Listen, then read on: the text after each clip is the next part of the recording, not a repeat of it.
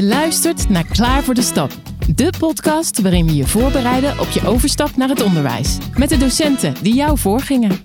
Hoe beleefden zij hun eerste jaar als ervaren beginner voor de klas? Hoe zag hun voorbereiding eruit? En wat zouden ze achteraf net even anders hebben gedaan? In deze podcast ontdek je hun verhalen en gouden tips. In deze aflevering blikken we met Annelies terug op haar overstap. Het docentschap zat altijd al in haar gedachten terwijl ze carrière maakte als directeur riskmanagement. Maar door een mailtje van haar vader kreeg ze opeens een nieuw inzicht. Mijn naam is Michelle Veuglers en dit is aflevering 5. Welkom bij Klaar voor de Stap. Hey Annelies, wat fijn dat je er bent. Voor, voor de mensen die jou uh, niet kennen, hoe zou jij jezelf introduceren? Nou, ik ben Annelies Mirani, 52 jaar. Ik heb twee dochters van uh, 18 en 20. Samengesteld gezin. Dus ik woon in Hilversum samen met mijn man en mijn jongste dochter nog. Uh, en mijn man heeft uh, ook twee kinderen, een dochter en een zoon. Als ik dan mezelf moet beschrijven, uh, en ik had natuurlijk ook even aan mijn kinderen gevraagd, nou, daar kreeg ik ook wat hilarische input voor. In ieder geval wat zij ook zeiden en wat ik zelf ook zou zeggen is, ik ben een gedreven, ambitieuze vrouw die houdt van uitdagingen en vooral ook afwisseling in het leven. Ik denk zeker in mijn werk dat ik, nou laat ik zo zeggen, ik leg de lat voor mezelf best hoog. Dus ik stel hoge eisen aan mezelf, maar ook wel aan anderen in het werk. Dus ik wil graag goede kwaliteit. Tegelijkertijd, ik zeg altijd hard op de inhoud, zacht op de relatie. Dus ik ben ook wel echt geïnteresseerd in mensen. Ik vind het leuk om in mensen te verdiepen. En ik hou heel erg van reizen. Dus uh, nou ja, dat is uh, wie ik ben. Je vertelde net al dat je in de zomer ook hele mooie reizen hebt gemaakt en nog gaat maken. Klopt. Ik uh, ben in de zomer met mijn twee dochters naar Zuid-Afrika geweest. En volgende week heb ik nog de luxe dat ik met mijn vader, die 80 is geworden, naar Ierland ga. Dat was nog zijn wens. Ik zou heel graag nog een keertje naar Ierland gaan. Dus we gaan met z'n tweeën een rondrit maken. Dus dat is ook heel bijzonder. Oh, ja. hoe mooi is dat? Ja. Oh, en je zei net al, ik ben iemand die van afwisseling houdt. En die afwisseling is er zeker. Want jij doet nogal veel in een week. Klopt. Kan je daar meer over vertellen? Ja, die afwisseling is denk ik ook wel een van de redenen dat ik uh, uh, deze stap heb gemaakt. Uh, omdat ik ook alweer toe was aan iets nieuws. En inderdaad, de huidige combinatie is natuurlijk een en al afwisseling. Um, en bestaat dus uit de combinaties van mijn huidige baan als verantwoordelijk voor het risicomanagement bij Achmea met het onderwijs. Jeetje, ja. Ik las in mijn voorbereiding, je bent inderdaad directeur riskmanagement bij Achmea. Ja, klopt. Daarnaast geef je ook wiskunde. Als ik dat allemaal bij elkaar lees, en je bent natuurlijk daarnaast ook nog in de opleiding om als klopt. lerares wiskunde te werken.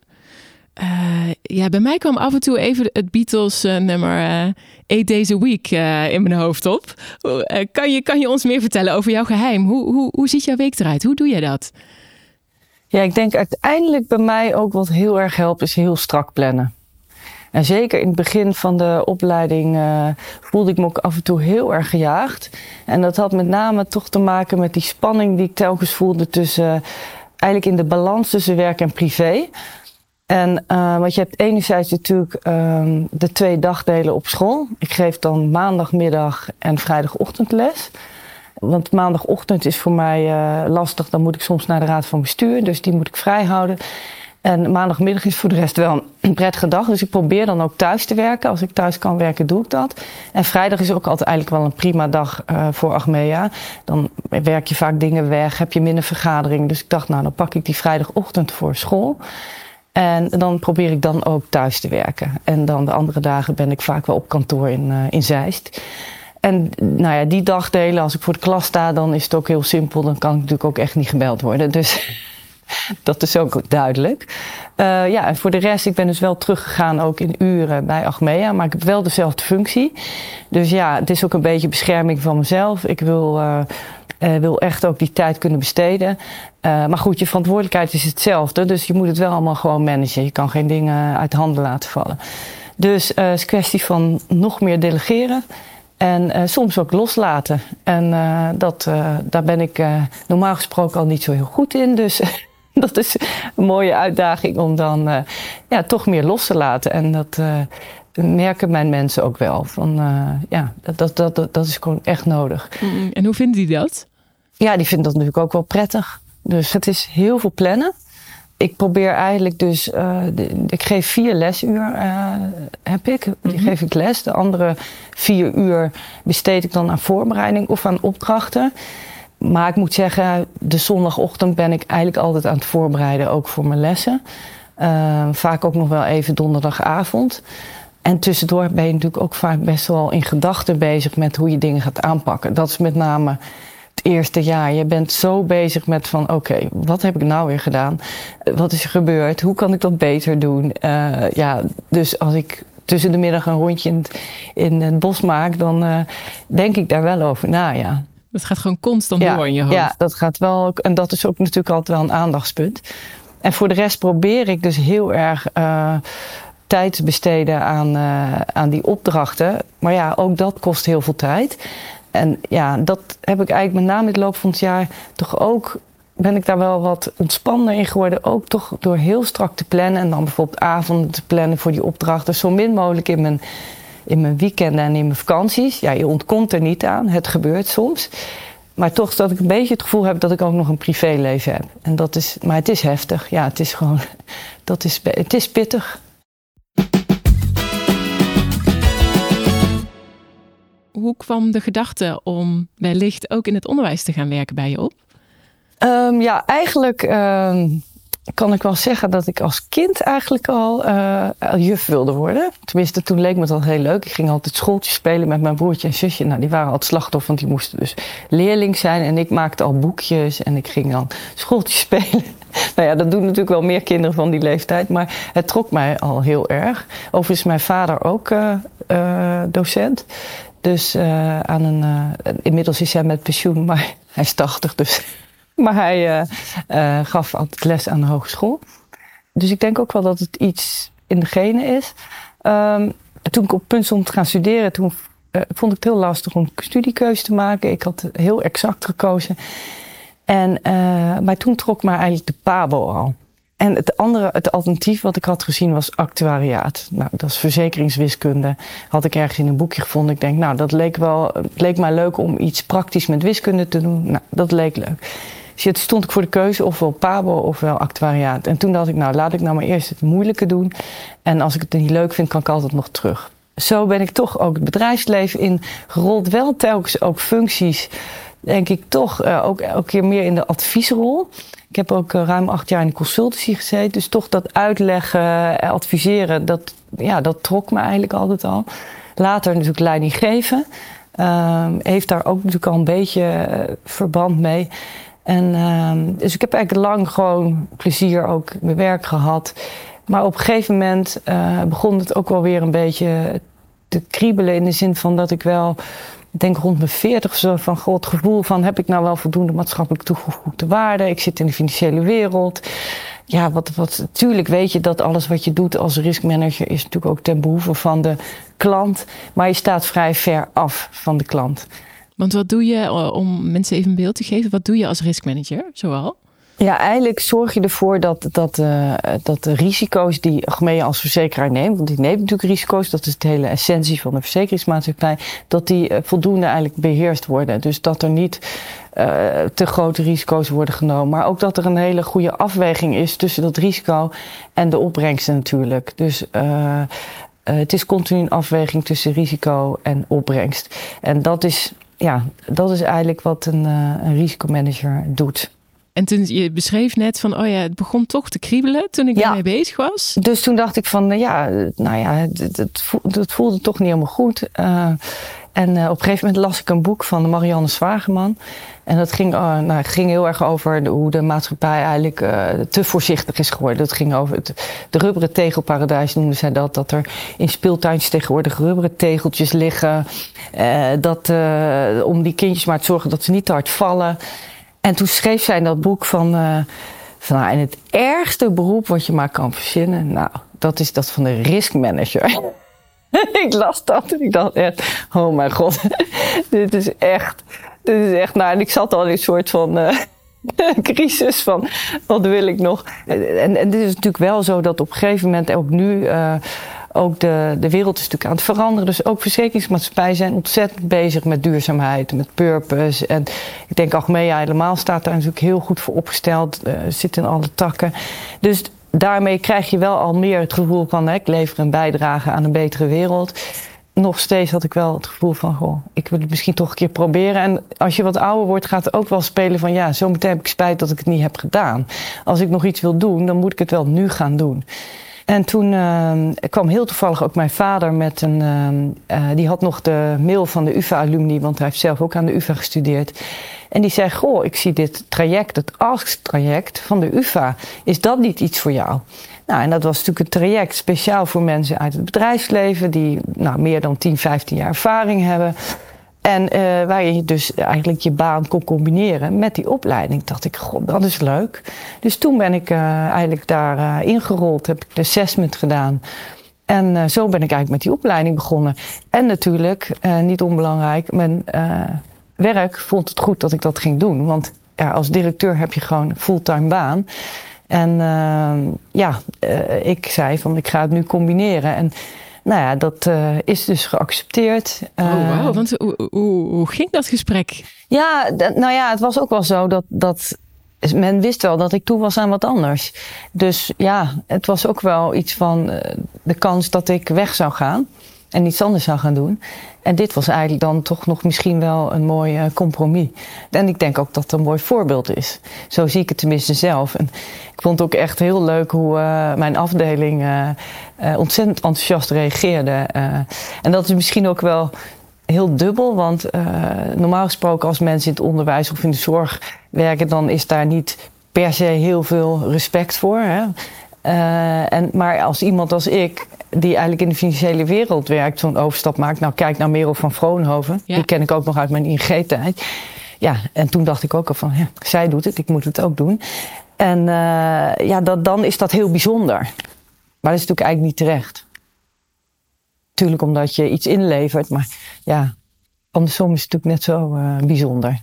Merel van Vroonhoven, uh, ook ja. inderdaad iemand die, die, die de overstap maakte vanuit de financiële wereld naar het onderwijs. Ja. En uh, zij schreef ook in een column, op het moment dat je dan start, merk je pas dat je onzekerheidstolerantie is afgenomen.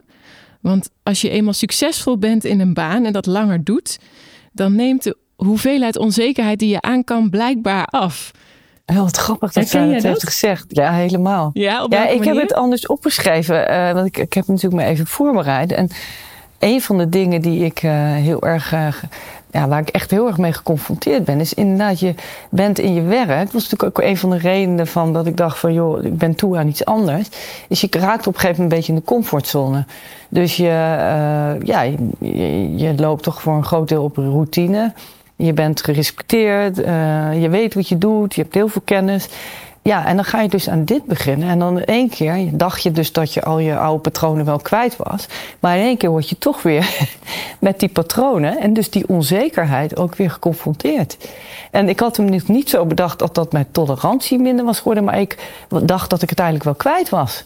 En, en in één keer stond ik voor die klas was, had ik in één keer toch weer faalangst. Ik denk, het bang om fouten te maken. Nou, dat klassenmanagement van die 30 pubers in de hand houden.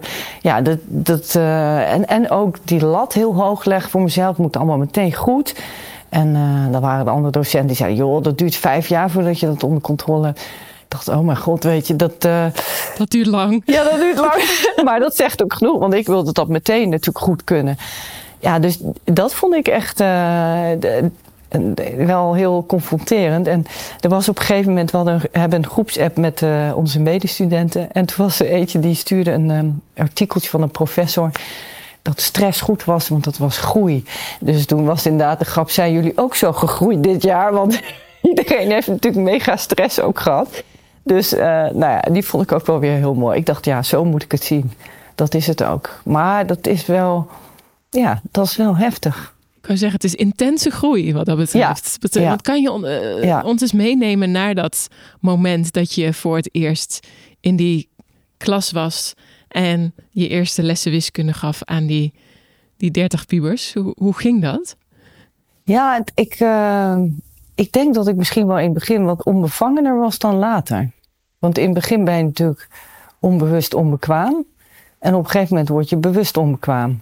En dat moet natuurlijk naar bewust bekwaam gaan. Maar ik, ik weet eerlijk gezegd niet meer helemaal precies hoe de eerste les was. Maar wat ik eigenlijk al vrij snel heb gedaan, is uh, eigenlijk bij elke les. Ik had een uh, spreadsheet. als, als actuaris gebruik een goede spreadsheet. En daar gaf ik, had ik eigenlijk altijd mijn uh, lesstructuur. Want al snel leer je dan de, het directe instructiemodel toepassen.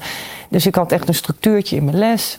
Uh, kan je ons heel kort meenemen in wat dat die, die, directe instructiemodel inhoudt? Ja, dat is eigenlijk, je begint eigenlijk met, met je klas welkom heten. Um, dan doe je altijd een stukje activeren van de voorkennis. Dus je gaat even herhalen wat er is gebeurd. Dan krijg je altijd een stukje een nieuwe lesstof. Uh, en dan heb je uh, vaak even een instructie tot zelfstandig werken. En dan gaan de leerlingen zelf zelfstandig aan de, aan de slag. En dan uiteindelijk nog een afsluiting. Nou, en die fases die geven eigenlijk heel veel structuur aan een les. Um, en uh, ja, dat, dat ondersteunt eigenlijk gewoon je hele, hele les. Dus dat heb ik al vrij snel toegepast. Dat geeft ook houvast. Daar heb je natuurlijk als beginnend leraar ook wel behoefte aan. En dat heb ik zo toegepast. En wat ik dan ook deed was, uh, bij elke les schreef ik aandachtspunten op. Van dan had ik iets meegemaakt de vorige les. Denk ik, oh, ik moet beter opletten dat ik uh, uh, de plattegrond goed hanteer. Uh, want er was dan een klasplattegrond. En dan let ik er niet op dat ze dan op de goede plek zaten. Of ik dacht ook, oh, ik moet even wat meer aandacht schenken aan bij de deur gaan staan. En dan de leerlingen welkom heten. Eventjes praatje maken. Nou, dat soort dingen. Dus gewoon aandachtspunten. En dan had ik ook nog een kolom reflectie. En, die, uh, en dat, dit doe ik dus nog steeds. En wel soms wat minder dan uh, één keer wat meer dan de andere keer. Maar als ik echt een, bijvoorbeeld een hele goede les of een les die ik, waar ik niet tevreden over ben, dan schrijf ik die reflectie op. Want daar kan ik ook op naar terugkijken. Van goh, wat, wat was er aan de hand? Dan reflecteer je erop. Van hé, hey, wat is er nou gebeurd? En wat kan ik nou anders doen de volgende keer? Dus, en dat uiteindelijk is een van de kernelementen van die studie is toch wel het de, zelf, ja, de kritische zelfreflectie. Dus het echt uh, het, het, gewoon reflecteren op je les. Ja, dan, dat helpt daarbij. Ja, en mooi hoe je beschrijft hoe je ja. daar eigenlijk voor jezelf een hele heldere structuur voor hebt ontwikkeld in die spreadsheet. Ja. Die helpt om die les voor te bereiden, maar ook om heel gefocust en aandachtig elke les weer te kijken. Wat ging er Klopt. goed? Wat kan er beter? Ja. En hoe kan ik daar de volgende keer ook echt gefocust weer de aandacht voor hebben? Ja, ik spiegel ook soms aan mijn uh, dochters. Dan vraag ik van, goh, ik wil dit nu zus of zo aanpakken. Is dat handig? En ze geven ze een advies. En ze moeten ook dus soms heel erg om mij lachen, want... Uh, zeggen ze van, je bent ook wel echt heel goed gelovig. En dan is er weer iets gebeurd. Dan zegt ze, ja mama, dat gebeurt gewoon heel vaak. En, Wanneer gebeurde dat zoal, bijvoorbeeld in de klas? Nou, ik had op een gegeven moment een, een, een jongen en die kwam voor de zoveelste keer te laat. En ik had in mijn aandachtspunten opgeschreven, als die jongen, jongen weer te laat komt, dan moet hij een briefje halen. En dus, nou, hij kwam weer te laat. Deze keer kwam hij ook echt twee minuten te laat, dus niet een paar seconden te. Dus ik zeg, ja, nou ga je er echt, uh, nou moet je echt een briefje halen. Toen zei oh mevrouw, oh mevrouw, please, laatste kans, laatste kans. Ik, uh, er was een mevrouw op straat gevallen en die heb ik geholpen. En toen, toen dacht ik eigenlijk bij mezelf, en dat is het ook, je moet in de split second gewoon bedenken wat je gaat doen. Hè? Dat is gewoon jong leren. Het is gewoon, oké, okay, en nu? En, want bij je eigen, eigen, dochters heb je twee die, waar je besluit over moet nemen. Hier heb je de dertig. Nou, dit Precies. was er weer één. Weer. En je was net Denk, je okay, les gestart? Ja, ik, ik, zeg nou, vooruit. Ik uh, ga maar zitten. En uh, uh, ik, ik moest natuurlijk om lachen. Ik zeg nou, mooi verhaal, maar nou ja, ga maar zitten. En toen achteraf gezien, toen kreeg ik ook bij een leerling-enquête, stond toch ook opgemerkt door een van de leerlingen, en die is gewoon anoniem, van ja mevrouw, u moet niet alles geloven wat er gezegd wordt. en mijn kinderen zeiden natuurlijk ook, ja, die, die, die jongen die heeft helemaal geen, geen, uh, geen vrouwtje opgeraapt of zo. En achteraf gezien had ik natuurlijk gewoon moeten zeggen van, goh, dat is een hartstikke mooi verhaal. Ik vind het heel goed van je dat je, dat je die mevrouw hebt geholpen, maar ga toch maar even een briefje halen. Zijn er andere dingen die je in voorbereiding op zo'n les deed, ook kijken bijvoorbeeld naar je collega's? Op welke manier konden zij jou in de voorbereiding helpen? Of, uh, ja, ik had een, uh, met name een, een werkplekbegeleider. Uh, dus die was heel erg, nou ja, die, die was echt heel erg betrokken. Volgens mij was het mijn eerste les inderdaad gegeven. En toen nou, was er eigenlijk geen tijd meer om na te bespreken. Dus die werkplekbegeleider zei: Oké, zullen we even bellen vanavond? En dan geef ik je nog wat feedback. Ik dacht, prima. En dus ik zei tegen mijn man: van, Nou, ik moet even een telefoontje doen, maar ben over een kwartiertje klaar. Toen had hij echt letterlijk van minuut tot minuut had hij mij had hij gewoon feedback. Dus hij, um, en dat heeft hij eigenlijk telkens gedaan, een schrift. En hij schreef gewoon echt, nou, bijna van minuut tot minuut schreef hij op wat ik deed. Maar ook heel objectief. En en echt, eh, ik moest echt zo lachen, want ik was echt drie kwartier met hem aan de telefoon. Ik denk, wat overkomt me nu? Ik denk, ja, ik krijg een paar feedbackpunten, weet je, zoals ik dat gewend ben. Nou, dit ging goed en dit kan beter, klaar, weet je wel. Nee, hij had het echt helemaal uitgeschreven. Wat een moest er even aan, ja, moest er even aan wennen, maar... Ja, want ik kan me ook voorstellen als iemand drie kwartier uh, je vertelt over allerlei dingen die beter kunnen, dat, dat het je ook ergens duizelt. Ja, maar hij deed het op een hele uh, dat is natuurlijk ook een wiskundige. Dus uh, hij deed het wel op een hele uh, neutrale manier. Zonder waardeoordeel. Dat vond ik wel heel goed. Ja. Wat, wat, wat was een feedbackpunt waar je in die begintijd heel veel aan had? Waar je veel van geleerd hebt? Wat ik in het begin ehm, bijvoorbeeld beter kon doen was ehm, de lesovergangen. Dat is eigenlijk het overgang van het ene onderdeel naar het andere onderdeel. Als je dat niet heel um, helder eigenlijk tegen je leerlingen zegt van joh, nou, we zijn nu hiermee klaar en we gaan eigenlijk nu naar het volgende onderdeel, dan creëert dat vaak veel onrust. Ik heb, ik heb onderbouwles gegeven, dus weet je, in de bovenbouw is het ook allemaal weer anders. Hè? Dan, dan doe je dat ongetwijfeld weer op een andere manier. Ik, ik ga volgend jaar eigenlijk pas echt uh, bovenbouwles geven. Maar voor een onderbouw is het wel belangrijk dat je het even afsluit en met het volgende onderdeel begint. En, en dat gaf dus vaak ook gewoon wat ruis en onrust. Dus ja, dat was bijvoorbeeld een van de dingen die hij, uh, die hij noemde. Ik had natuurlijk heel goede begeleiding. Een aantal medestudenten van mij hadden eigenlijk dezelfde vormen. Boven formatief en daar zit er iemand achterin. Um, en uh, er waren ook studenten van mij, dus medestudenten, die eigenlijk vanaf het eerste moment gewoon voor de klas werden gezet zonder enige vorm van begeleiding omdat er gewoon issues waren op school uh, met uh, capaciteit. Ja, dus dat is ook wel echt een aandachtspunt of een advies wat ik aan beginnende docenten geef. Is van zorg dat je wel die begeleiding geborgd hebt. En ja, uh, het liefst boven formatief. Ja, dat er dus op het moment dat jij lesgeeft ook iemand anders zou kunnen lesgeven op het moment dat je exact, er niet bent. Exact, Zodat, ja. uh, zodat je altijd vervangbaar ja. bent, de ruimte hebt om je college te volgen, maar ook de ruimte hebt om dus die begeleiding te krijgen. Ja. Hoe maakte jij kennis in die, in die eerste lessen met je leerlingen? Hadden ze mij een beetje gezien. En vervolgens ja, probeer je natuurlijk contact te maken met de leerlingen door. Met name als je bij de deur staat, even te vragen. Ik had ze dan maandag naar het weekend. Of weet je, de, dat is de manier waarop je contact legt. Je hebt natuurlijk uh, aan het eind van de les vaak ook even wel een momentje. Dat is iets onrustiger. Uh, maar ik ben op een gegeven moment uh, toch ook meegegaan op een, uh, een, een uh, ja, soort van schoolreisje. Dat was een, een uitje naar het Muiderslot. Dat was op de vrijdagochtend, dus toen ben ik mee geweest. En dat is ook heel leuk, want dan leer je die leerlingen weer op een heel andere manier kennen.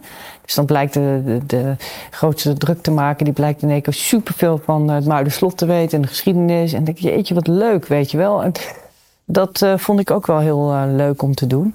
En voor de rest heb je natuurlijk, doordat je zo um, beperkt lesgeeft, en dat heb ik er ook wel van geleerd, ja, is je kans om echt uh, ja, de leerling echt goed te leren kennen, is natuurlijk toch wel, die tijd is beperkt. En dat geldt ook voor de school. Uh, want ik uh, maakte ook geen onderdeel uit van de sectievergadering, want die waren op dinsdag.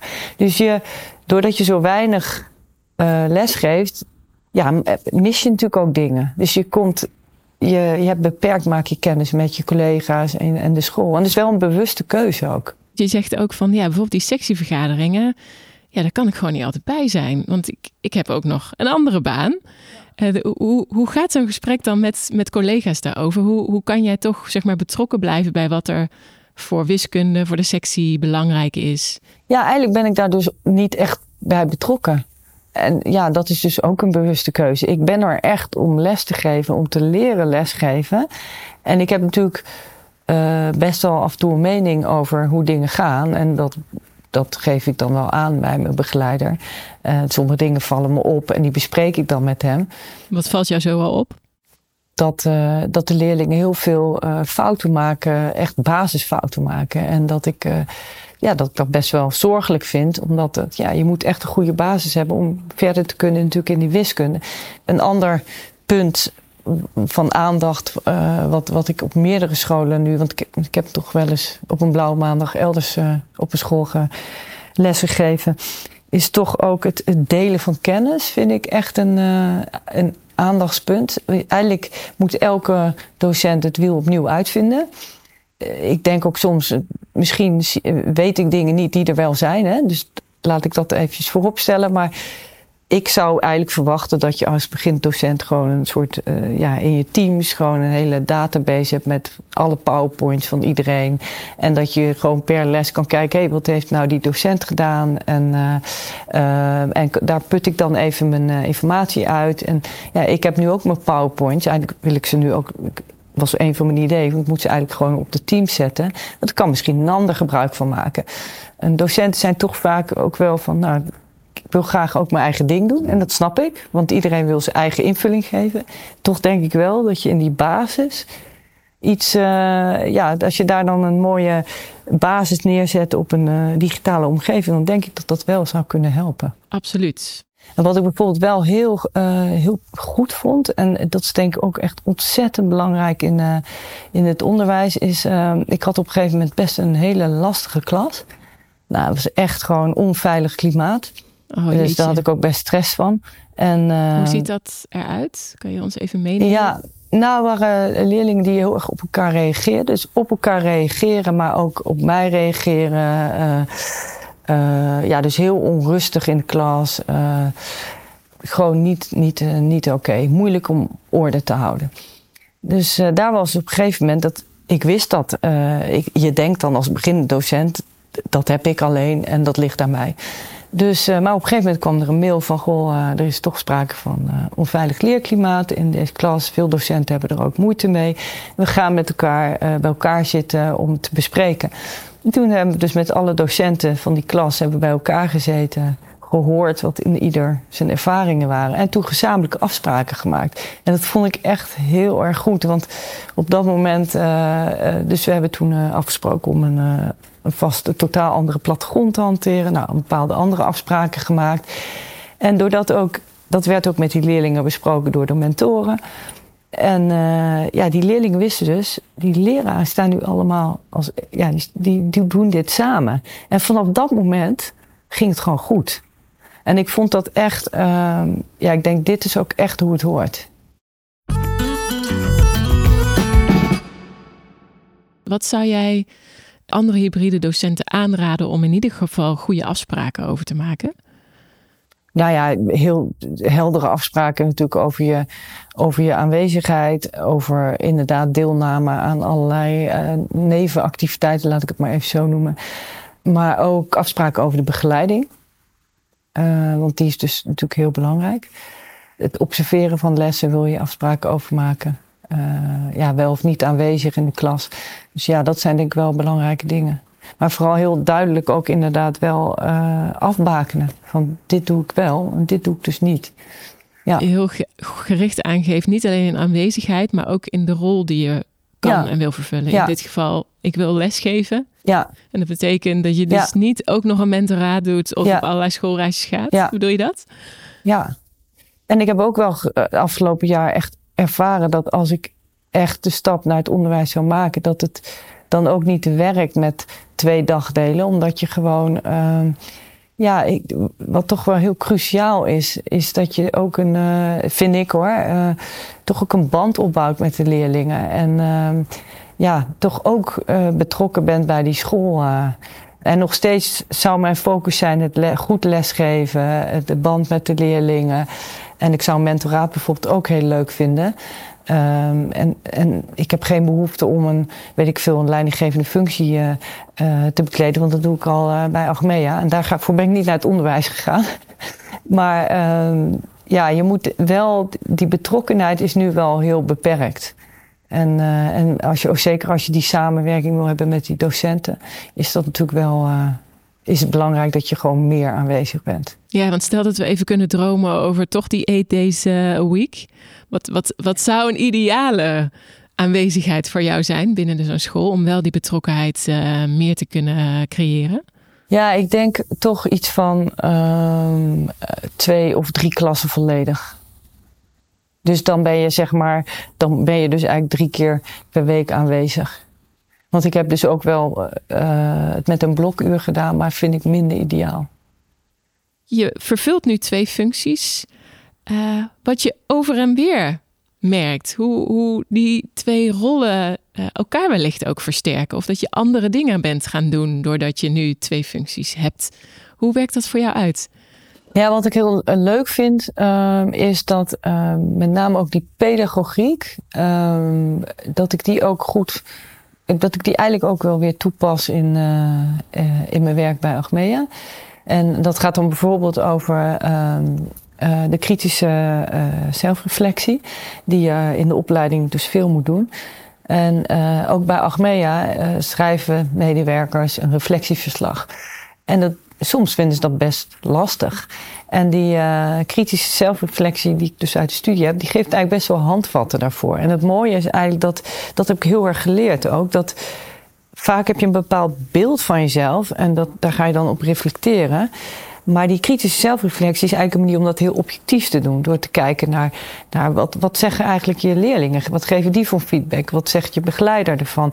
Wat vind je erover in de literatuur? Dus klopt dat beeld eigenlijk wel wat jij van jezelf hebt? En nou, ik heb uh, onlangs ook uh, een van mijn uh, medewerkers nou, die handvat gegeven. Van, kijk, eens, kijk er eens op die manier naar. Dus dat vind ik heel, heel waardevol. Uh, nou, ik kreeg onlangs ook terug uh, bij een presentatie aan de Raad van Commissaris van mijn collega van God. Het lijkt net dat je voor de klas staat, want je staat daar zo uh, ontspannen. En nou ja, je ziet echt dat je die, die ervaring hebt. en omgekeerd geldt het natuurlijk ook, want ik, ik sta natuurlijk best eens voor een groep. en dan en dat pas je natuurlijk ook toe voor die klas. Dat ben, ben ik natuurlijk wel gewend. En het, ik denk ook het, het gewoon gestructureerd werken uh, uh, met een PowerPoint, et cetera. Ja, dat, dat, dat ben ik natuurlijk gewoon gewend. Ja. Annelies, heel veel dank voor al jouw waardevolle tips en lessen. En uh, voor de fantastische kennismaking met jou. Ik heb daar heel erg van genoten. Ja, graag gedaan. Ik vond het erg leuk. Bedankt voor het luisteren. Benieuwd geworden naar andere verhalen? Ga dan naar onderwijsloket.com slash klaar voor de stap. Deze podcast maken we met collega's Jannik Middelkoop en Remy Huigen. Wil je ook geïnterviewd worden? Of heb je tips? Mail ons op klaarvoordestap.onderwijs.in. Tot de volgende!